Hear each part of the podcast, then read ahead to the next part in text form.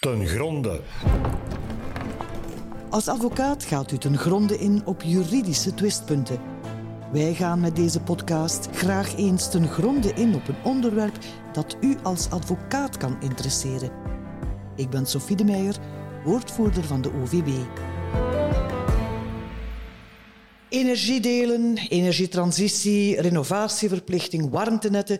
Het zijn termen die heel actueel zijn. Logischerwijs hebben rechtszoekenden dan ook al eens een advocaat nodig die thuis is in dergelijke materies. Voor deze podcast ten gronde heb ik twee advocaten uitgenodigd die de nodige expertise hebben opgebouwd in het energierecht. Meester Tim Vermeer, die al 25 jaar verbonden is aan de Nederlandstalige orde bij de Bali Brussel, en meester Thomas van den Bergen, die al 11 jaar verbonden is aan de Bali van West-Vlaanderen. Heren, energierecht is een vlag die vele ladingen dekt. En ik heb begrepen dat u beiden in een heel ander segment van het energierecht actief bent. Kunt u kort even toelichten welke soort dossiers u zoal behandelt? Misschien, meester Vermeer, u als de oudste van de twee, zoals in de rechtbank. Energierecht 25 jaar geleden en energierecht nu is totaal iets anders geworden. Um, initieel, alles is begonnen met de liberalisering van de markt en toen was de opdeling tamelijk duidelijk. Je had een regulator, regulator die eigenlijk een semi-overheidsinstelling is, de netbeheerders, die ook in België toch in publieke handen zijn, uh, de leveranciers en de afnemers. Toen wij uh, in 2010 gestart zijn met ons uh, nichekantoor Blikst, hebben wij gekozen om enkel te werken voor de, het vrijgemaakte deel van de markt.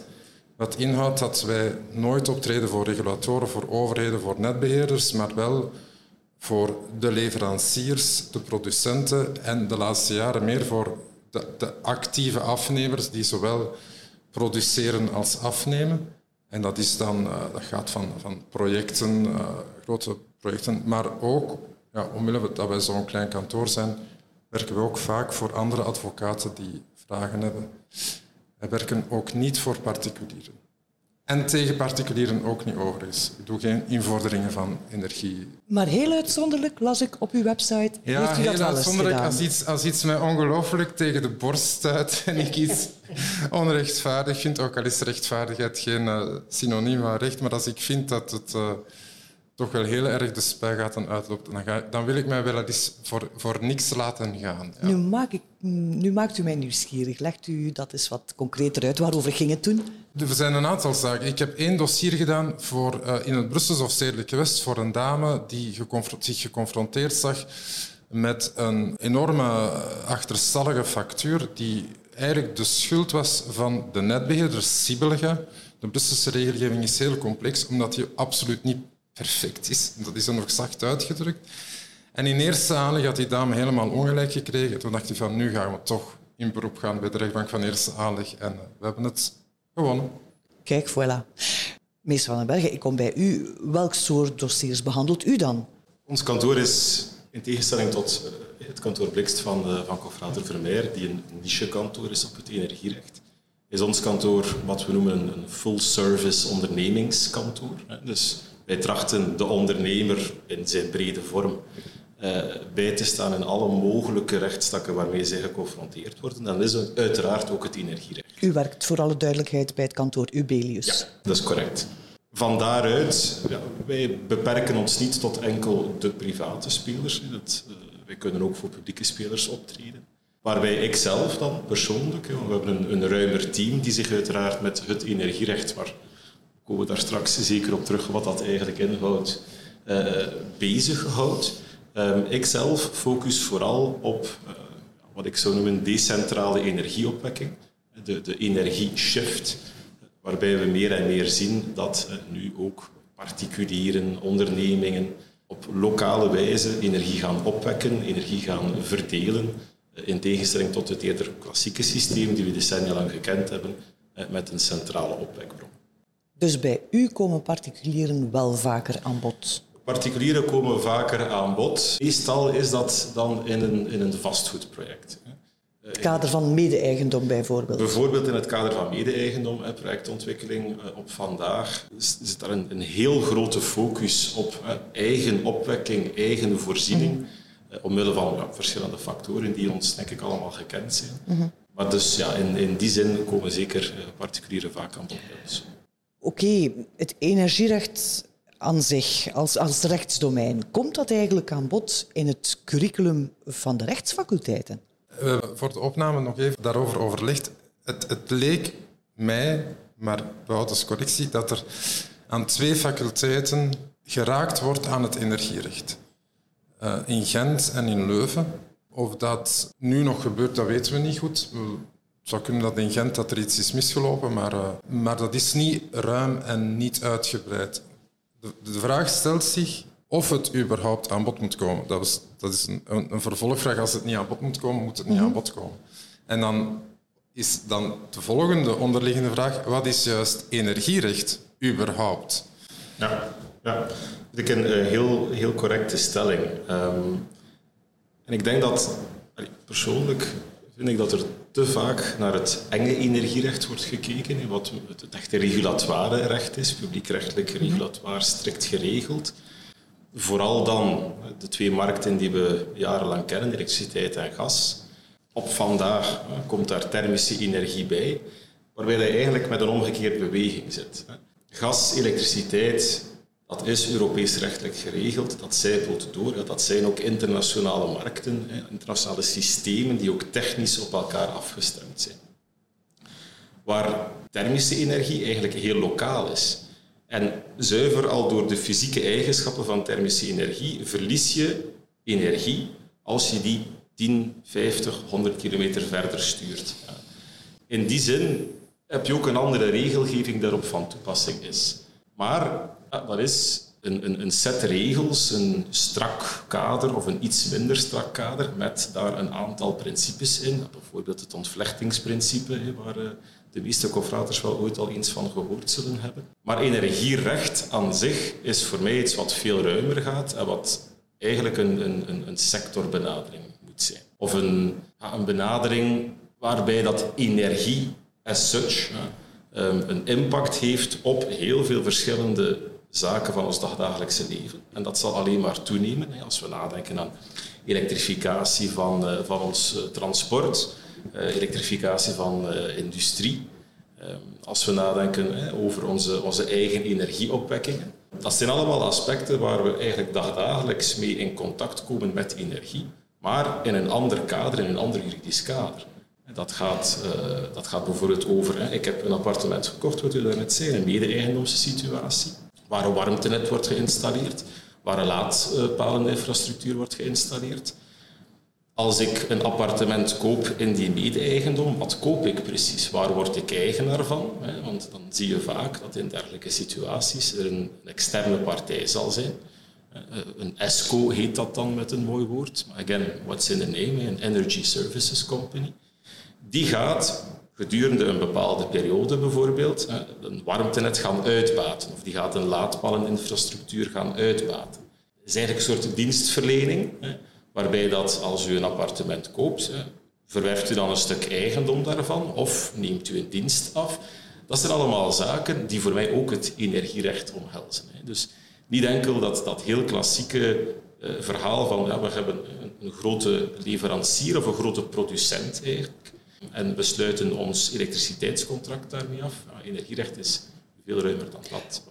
Dan pik ik even in op wat meester Vermeer al uh, kort aanhaalde. Vinden jullie het dan nodig dat de rechtsfaculteiten inzetten op meer kennis over die materies? Je kan je de vraag stellen hoe fundamenteel en hoe essentieel is energie? Dat is misschien een, een retorische vraag. Filosofische vraag. Filosofische vraag ooit meegedaan aan een studiedag over het grondrecht op energie, wat geen grondrecht is, tenzij dat je het onder artikel 23 van de grondwet zou kunnen parkeren. Maar dat buikgevoel dat iedereen heeft dat energie effectief een noodzaak is, een, een, een, een grondvoorwaarde om überhaupt te kunnen overleven in deze maatschappij, leidt ertoe dat de liberaliseringsgedachte, die er 25, of meer dan 25 jaar geleden was, enorm ingeperkt is vanuit dat gevoel van we moeten die, dat grondrecht op energie, dat geen grondrecht is, maar feit dat die fundamentele behoefte aan energie beschermt. En dat leidt ertoe dat er een aantal cruciale keuzes zijn gemaakt die afwijken van elke mogelijke andere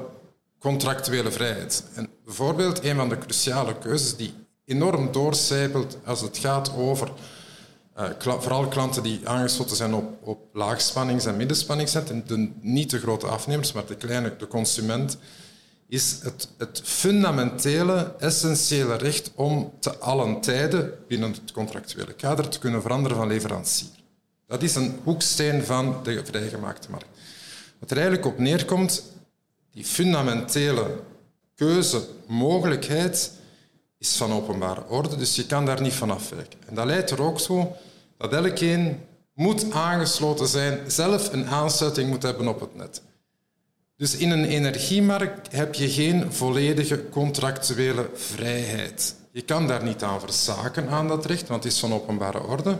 Dus je moet wel altijd, minstens theoretisch, dat recht op vrije leverancierskeuze kunnen uitoefenen. In een consumentenmarkt is dat dan nog iets versterkt geworden de laatste jaren door de drang van de politiek om iedereen te doen veranderen. Men heeft, de laatste twee jaar is dat iets wat gezakt, maar men heeft ingezien dat dat geen heilzaam, niet altijd een heilzame oplossing was, maar tot voor, tot voor de crisis was het quasi een morele verplichting om van leverancier te veranderen. Je werd om de oren geslagen met vergelijkingswebsites, eh, de V-test van de VREG, eh, alle mogelijke ook private initiatieven die u doen helpen om, om te veranderen. En die verandering ik heb het altijd genoemd, dat is eigenlijk het schaamlapje voor, om te laten zien dat de liberalisering gewerkt heeft. Want als er niemand verandert, werkt de liberalisering niet. Dus de politiek had dat nodig om te bewijzen dat het werkt. Of dat dan überhaupt nuttig is voor de mensen, dat laat ik even in het midden. Daar ben ik niet van overtuigd. Dus ik ben er ook niet van overtuigd dat die hoeksteen effectief de mensen ook helpt. Maar om op uw vraag dan rechtstreeks... Ik denk dat dat wel heel belangrijk is om mee te geven. Dat in sectors, zoals uh, Thomas zegt, sectorspecifieke toepassing van regelgeving, er zijn echte eigenheden zijn die je wel moet meekrijgen. In de energiesector, maar ook in andere sectoren. Moet je daarvoor een apart vak gaan maken? Niet noodzakelijk. Ik denk dat je in een aantal hoofdvakken moet kunnen aangeven van kijk, pas op, een verbintenisrecht leidt er niet noodzakelijk toe dat je bijvoorbeeld in die sector om het even wat kan doen. Consumentenbescherming in de energiesector is niet veel anders dan de consumentenbescherming in het wetboek economisch recht. Met een aantal specifieke aandachtspunten die erbij komen bijgelden, maar in principe is consumentenbescherming consumentenbescherming. En zo heb je een hele hoop dingen waarbij het misschien interessanter is om de specificiteiten als invalshoeken mee te geven in een aantal vakken, maar geen noodzakelijk algemeen vak. Want dan is weer de vraag, ja, wat gaat je op 30 uur geven over energierecht? Ja, de unbundling, het feit dat er een netbeheerder is en een vrije leverancierskeuze. Ja, maar ja, goed. Het verschil tussen aansluiting en toegang, ja, dat zijn van die dingen. Maar dat... Los van de rechtsfaculteiten, hoe zouden jullie dan zeggen van advocaten die zich willen bijscholen, waar zijn zij dan het meest bij gebaat? Voortbouwend op wat Tim zegt, waar er, maar dat is een persoonlijke mening, maar waar er misschien in de opleidingen meer nadruk op gelegd kan worden, dat is hoe vallen verschillende rechtstakken samen en hoe ga je die gaan toepassen op, en ik kom opnieuw op het woord, een sector. Als u, als u werkt voor projectontwikkelaars, of als u werkt voor energieproducenten, of als u werkt in de transportsector, of u werkt in de luchtvaartsector, daar bestaan een, een aantal geëikte regels. Zoals Tim daarnet zegt, een van die hoekstenen is het absolute recht op vrije, vrije leverancierskeuze en de derde toegang. Het zou nuttiger zijn dat die principes in het algemene verbindenisrecht, dat daar aandacht aan wordt gegeven, of minste kenbaar wordt gemaakt van kijk, afhankelijk in welke sector u zit, moet u rekening houden met een aantal regels van openbare orde, minstens van dwingend recht. En van daaruit kan u gaan voortbouwen. En ja, waar moet de focus op liggen? Ik denk als u, ik denk dat dat voor iedere advocaat is, u ontwikkelt uzelf als advocaat de eerste drie jaar in de stage, zeg ik altijd, leert u meer dan op de universiteitsbanken, want dan gaat u dat theoretische recht in de praktijk gaan toepassen. Maar van daaruit groeit uw praktijk en het is vooral de kennis die je opdoet, projecten die je ter hand neemt, cliënten die je begeleidt. Dat is de beste leerschool nog altijd. Waarbij dat, ja, er, er is zeker en vast rechtsleer te vinden, er is rechtspraak te vinden, maar dat komt voor een stuk vanuit jezelf. Je moet dat mhm. zelf actief gaan bijhouden. Uh, en je moet zelf proberen kritisch na te denken van oké, hoe kan ik dit dwingende kader, ja, hoe moet ik dat gaan toepassen op bijvoorbeeld ja, koop-verkoopovereenkomst van energie? zoals we daarnet voor de podcast even zeiden. Op zich, een energieafnameovereenkomst, dat is een koop-verkoopovereenkomst met als voorwerp energie. We moeten dat ook niet complexer maken dan het is, maar dan moeten we nadenken, is die afnemer een consument? Oké, dat weten we, er is het algemene consumentenrecht en er is ook wat dwingende regelgeving die daar rekening mee houdt. Dus hoe dan ook, kan een advocaat in al die verschillende materies zeker een rol spelen. Absoluut. Ik denk dat de advocaat een zeer belangrijke rol kan spelen. Er wordt nog altijd veel te veel gekeken naar de advocaat als de, eh, de, de vechtersbaas die in de rechtbank gaat gaan pleiten en, en conflicten gaat gaan oplossen of aanstoken. Maar dat is een volledig verkeerd beeld, denk ik, van, van advocatuur en zeker van zakenadvocatuur tussen aanhalingstekens. Misschien een, een beladen term is, maar heel veel advocaten de dag van vandaag, dat zijn consultants, dat zijn uh, mensen, kantoren die meedenken met hun cliënten. Die proberen hun specifieke juridische kennis te delen met de cliënten en op die manier een juridisch kader schetsen om een werkelijk probleem, om een, een, een, of een, wil van die cliënten te gaan verwezenlijken.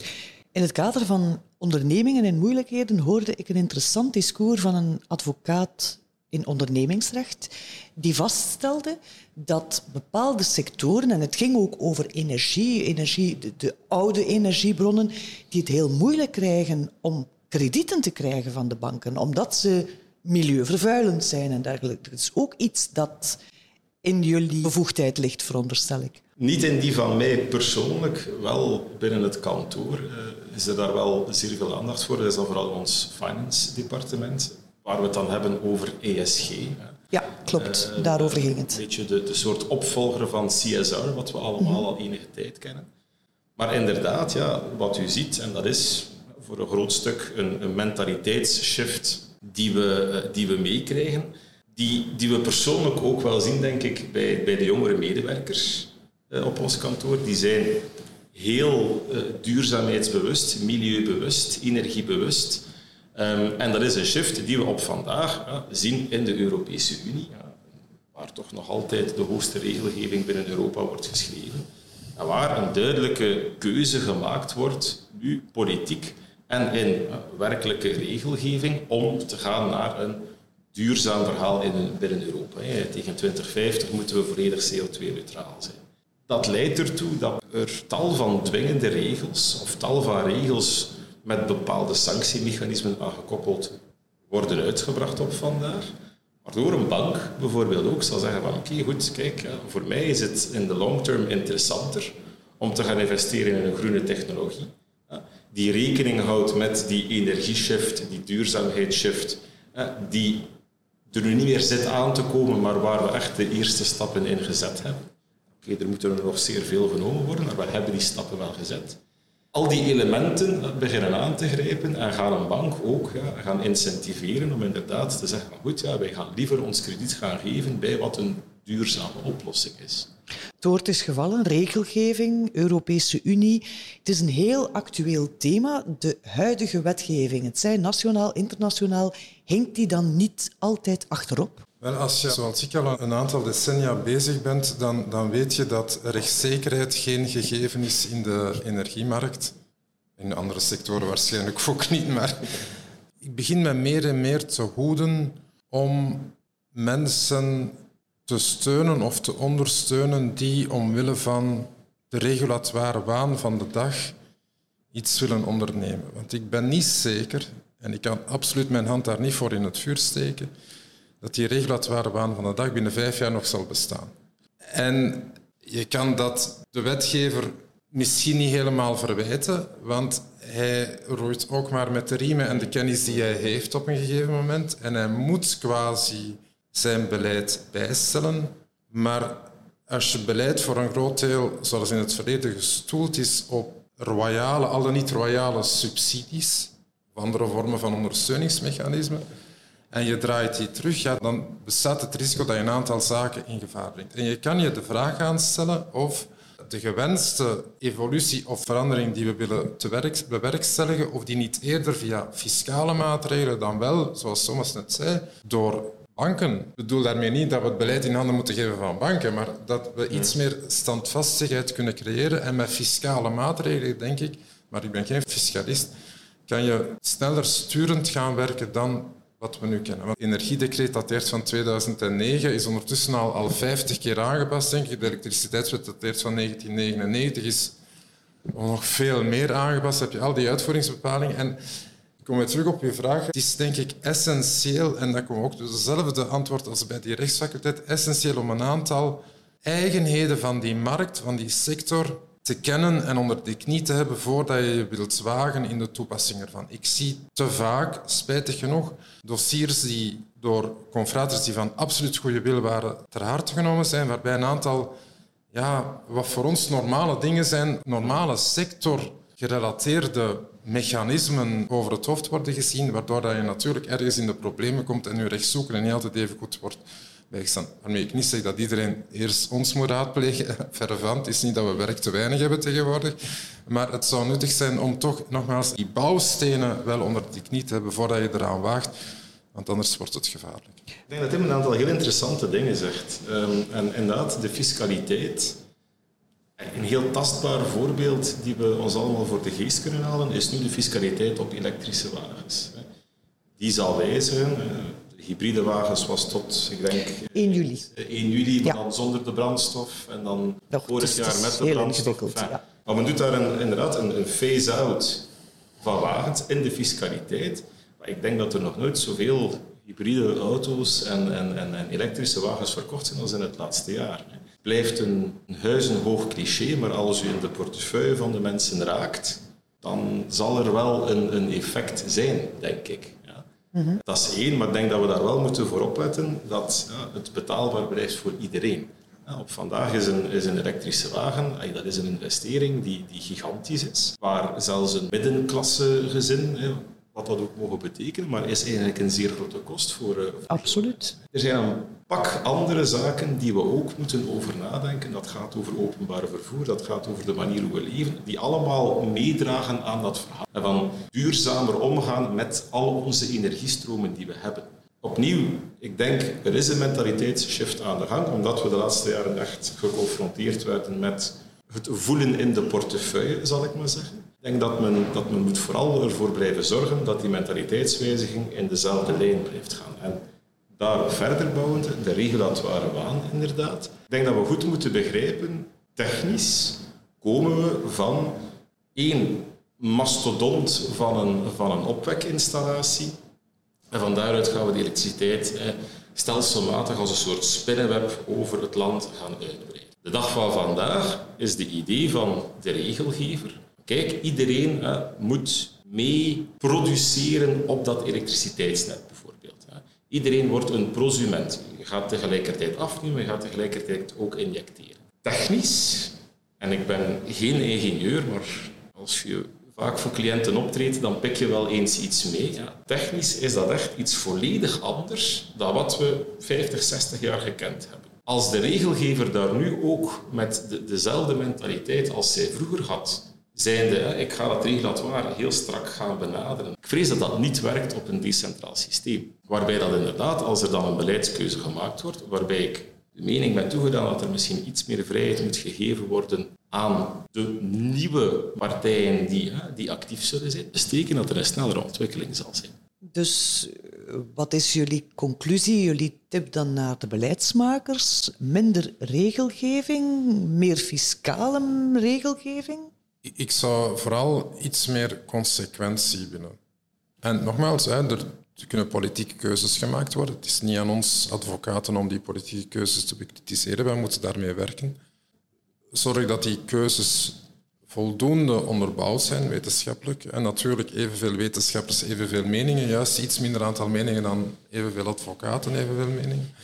Maar desalniettemin, er zijn wel uh, studies gebeurd en, en, hou je eraan. En laat u niet opjagen, opjagen door dingen die er gebeurd zijn. Ik bedoel, de paniekreactie die er uh, na augustus, september 2022 geweest is, regelgevend, is ontstellend. Ik denk dat wij ons... Uh, ja, rot geamuseerd is nu een groot woord, maar in de maand april, de overwinstbelasting heeft ons, iedereen die zich bezig met energierecht bezighouden. Ja, dat is een, met heel veel respect voor mijn oud vernoot, maar een draak van een regelgeving. Ja, doe dat niet. Hè. Waarom? Om, om aan de burgers het gevoel te geven dat men iets gaat doen aan al dan niet vermeende overwinsten, maar dat leidt niet tot het vertrouwen dat je moet hebben in de private actoren om een evolutie, om een switch mogelijk te maken. Dus bereid u voor en hou een lijn min of meer consequent aan. De snelle evolutie leidt er niet toe dat regelgeving tien jaar kan blijven bestaan. Dat vraag ik ook niet. Maar wees consequent in de keuzes die je maakt. Het lijkt mij als advocaat in de huidige situatie niet evident om met die onconsequente regelgeving om te gaan. Best intellectueel uitdagend en boeiend, ja. Ik vind de markt maakt een evolutie door, omdat, omdat nieuwe actoren, nieuwe spelers zich beginnen te vestigen. Batterijparken is iets wat we ook ja, 10, 15 jaar geleden niet kenden. Op vandaag zijn dat zeer interessante spelers. Uh, thermische netwerken op vandaag, nou, dat is niet meer ik ga wat industriële restwarmte gaan afkoppelen. Nee, dat zijn echt projecten die gebouwd worden, volledig zelfvoorzienend, zonnepanelen daarop, laadinfrastructuur daarop. Dus we krijgen heel interessante evoluties in de markt, waar inderdaad ja, een, een zekere vorm van consistentie in het beleid al was het maar om het vertrouwen van de consument in private partijen die er zijn, zowel de bestaande als de nieuwe, minstens te gaan bestendigen en hopelijk te gaan vergroten. Want uiteindelijk gaan zij het zijn, het gaan private spelers zijn, of toch semi-private spelers zijn, die de komende 10, 15, 20 jaar gigantische investeringen gaan moeten doen om aan die energietransitie te gaan voldoen als de regelgever er niet voor zorgt dat die private partijen een vast kader hebben, dan kunnen zij ook zelf geen grondige investeringen gaan doen, geen duidelijk beleid gaan uitstippelen, wat volgens mij alleen maar ten nadele van de consument zal En waar ik soms voor vrees, is dat met de ingestelde die heeft en de terechte kommernis voor de consument, je gaat uiteindelijk, private initiatieven gaan er komen om mensen te begeleiden, stimuleer dat uiteraard, maar maak de regelgeving niet dusdanig dat uiteindelijk alleen maar die hele grote, uiteraard niet Belgische dienstverleners gaan zijn, die dan uiteindelijk in dat gat gaan springen. Want ik hoed mij er, ben een beetje bevreesd voor de Amazons van deze wereld, die u gaan begeleiden in uw energieverbruik. En daar moeten we toch ook heel erg voor opletten. Dat dat private initiatief, dat vrije initiatief blijft en dat je niet omwille van de regelgeving een markt gaat creëren die enkel maar voor de happy international view is weggelegd. Ik hoorde uw verzuchtingen nu voor de regelgevers, voor de beleidsmakers, maar eh, hebben jullie ook tips voor de advocaat die in die veranderende maatschappij met al die topics aan de slag moet? Ja, laat u bijstaan. Hè. Net zoals uh, ik mij zou moeten laten bijstaan in mijn huisverbruik. Als je dat aantrekt, laat je bijstaan door dienstverleners die u daarbij kunnen helpen maak een terechte afweging tussen, tussen, de economische investering die je gaat moeten doen en, en de return. Tenzij dat je echt altruïstisch en ideoloog bent, maar vooralsnog is de portefeuille vaak een beperking op de, watgeen dat je wilt doen. Dus dat is mijn belangrijkste tip. Meester Van den Bergen, u geeft zelfs een summer seminar over energierecht. Wat gaat u aan uw confraters meegeven? Het programma ligt nog niet helemaal vast. Nou, toch een tipje van de sluier in, in, in alle eerlijkheid, hè, maar ik, waar ik het denk ik over wil hebben, dat is een soort inleiding tot het decentrale energierecht gericht op vastgoedontwikkeling. Wat dat volgens mij het energierecht is waar de meeste advocaten vroeg of laat mee te maken zullen gaan krijgen. Dat gaat over, er wordt ergens een aantal appartementsblokken of een aantal woningen, een stadsdeel wordt opgericht. Hoe kan zo'n stadsdeel energetisch zelfvoorzienend worden? Elektrisch, eh, verwarming, koeling dergelijke zaken. Dat zijn elementen die ik in mijn praktijk constant zie. Volgens mij wordt er op vandaag door geen enkele projectontwikkelaar nog een project ontwikkeld, residentieel, commercieel, industrieel, waar er niet volop ingezet wordt op die energieontwikkeling. Wat ik wil proberen is ja, minstens die hoekstenen mee te geven waar Tim het over had. De, de, regulatoire hoekstenen, de spelregels waarbinnen je moet werken, maar ook kan werken, wat de mogelijkheden zijn Ehm, om, daar een, eh, om daar een cliënten bij te staan. Als ik het opentrek, wat is het uh, ideale klimaatneutrale advocatenkantoor van de toekomst? Een advocatenkantoor met heel veel geld. Of met... Uh, ja, maar nee, maar daar komt het wel op neer. Hè. Ik bedoel, dat, is, allee, dat is ook zo een van die dingen. Dat is, ik vind het allemaal fantastisch en geweldig uh, dat de politiek en Europa wil dat we tegen 2050 klimaatneutraal worden. Maar wie gaat dat in godsnaam allemaal betalen? Hè? Ik zag eergisteren nog op Twitter een, architect die prijzen gaf voor de renovatie van een woning om die bijna klimaatneutraal te maken. Dat is ontstellend. Hè? Dus je moet u de vraag gaan stellen, wie gaat dat nog kunnen doen? En dan denk ik dat wij als advocaten vaak, of, of toch een aantal toch geprivilegeerd genoeg zijn om sommige dingen te kunnen betalen. Maar de gemiddelde burger, in de mate dat we ons dat niet toe moeten rekenen, maar de gemiddelde burger kan dat gewoon niet. De terreur van de vrije keuze die we tien jaar geleden hebben, gaat nu bijna de politieke terreur worden van je moet en als je dat niet doet, zet je een slechte burger. Ja, daar pas ik nu wel voor, want daar is het niet voor gemaakt. er, is, er is op vandaag, vrees ik, in de markt ook nog steeds een te groot evenwicht tussen niet enkel vraag en aanbod, maar plicht en aanbod. Die renovatieplicht, en ik zal het daar ook wel even over hebben in, in de summer seminars, maar er is een renovatieplicht nu voor, hè, voor woningen. Dat gaat stelselmatig steeds maar uitgebreid worden. Dat is wel verregaand. Uh, en dat op vandaag weet de aanbieder van dergelijke renovatiediensten weet dat dat daar aankomt, dat dat een verplichting wordt. Die kan kunstmatig als het ware zijn prijzen hoog houden. Hij heeft geen enkele incentive om zijn prijzen laag te houden.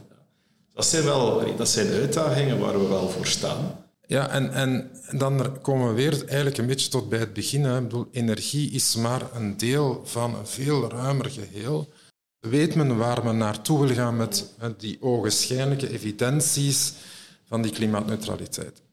Is het dan de bedoeling, en is daar al een debat over geweest, en nogmaals, dat is geen juridische discussie, maar dat is een politieke discussie, is er een debat over geweest dat grootschalige renovatie of andere vormen van nuttige toepassing of nuttig gebruik van energie, klimaatneutraliteit enzovoort enzovoort, is het de bedoeling dat dat in handen komt van opnieuw die, die enkele happy few die het dan wel kan betalen? En, en is het een politieke keuze die men nu maakt om eigendom, het boekhoederenrecht van uw kantoorgenoot Sagaert uh, is, is nog maar twee jaar oud, zeker, denk ik. Is het de bedoeling om dat idee van eigendom eigenlijk te verlaten en niet meer als belangrijk te gaan beschouwen in onze maatschappij? En te gaan zeggen van nee, nee, lieve burgers, vanuit het hogere heil, de hogere doelstelling van die klimaatneutraliteit, kan u niet anders dan vanaf nu huren. Ja, ja ik bedoel, en, en Een dus... interessante opmerking, want dat is voor een stuk, stel je inderdaad de vraag, is dat waar we naartoe gaan? Als je verschillende rechtstakken terug samenneemt, het, het ganse idee van we hebben de vrijheid om te bouwen waar we willen en we hebben daar eigendom van, dat wordt eigenlijk meer en meer verlaten. Er is de bouwstop, er is de, de grote kost om zelf nog een bouwgrond te gaan ontwikkelen. Je wordt gepusht naar, we gaan allemaal korter bij werk wonen, shoppen. We gaan alle, alle functies zetten we samen in, stedelijke kernen. De afstanden worden kleiner, dus het, het woon-werkverkeer lossen we op. Er moeten geen auto's meer zijn. We gaan inzetten op openbaar vervoer. Het zijn allemaal zaken die samenkomen. Maar waarbij dat inderdaad de vraag is van, ja goed, heeft iedereen dan nog zijn eigendom? Heeft, is dat een concept die we moeten verlaten? Als dat zo is, oké, dat kan een beleidsmatige keuze zijn. Maar dan moet die weg wel ingeslaan worden en consequent volgehouden. En dat lijkt een zinvoller debat dan het debat over confederalisme, maar dit is een hetzelfde, denk ik. Heren, dit was ongelooflijk fijn. We zijn begonnen over energierecht. We zijn beginnen filosoferen over de maatschappij. Leuk. Dank u wel, meester Vermeijer, meester Van den Bergen, voor de inkijk die u gaf in de hele problematiek. Advocaten die er nog meer willen over horen, kunnen zich via het opleidingsinstituut inschrijven voor de Summer Seminar van meester Van den Bergen op 21 of 22 augustus.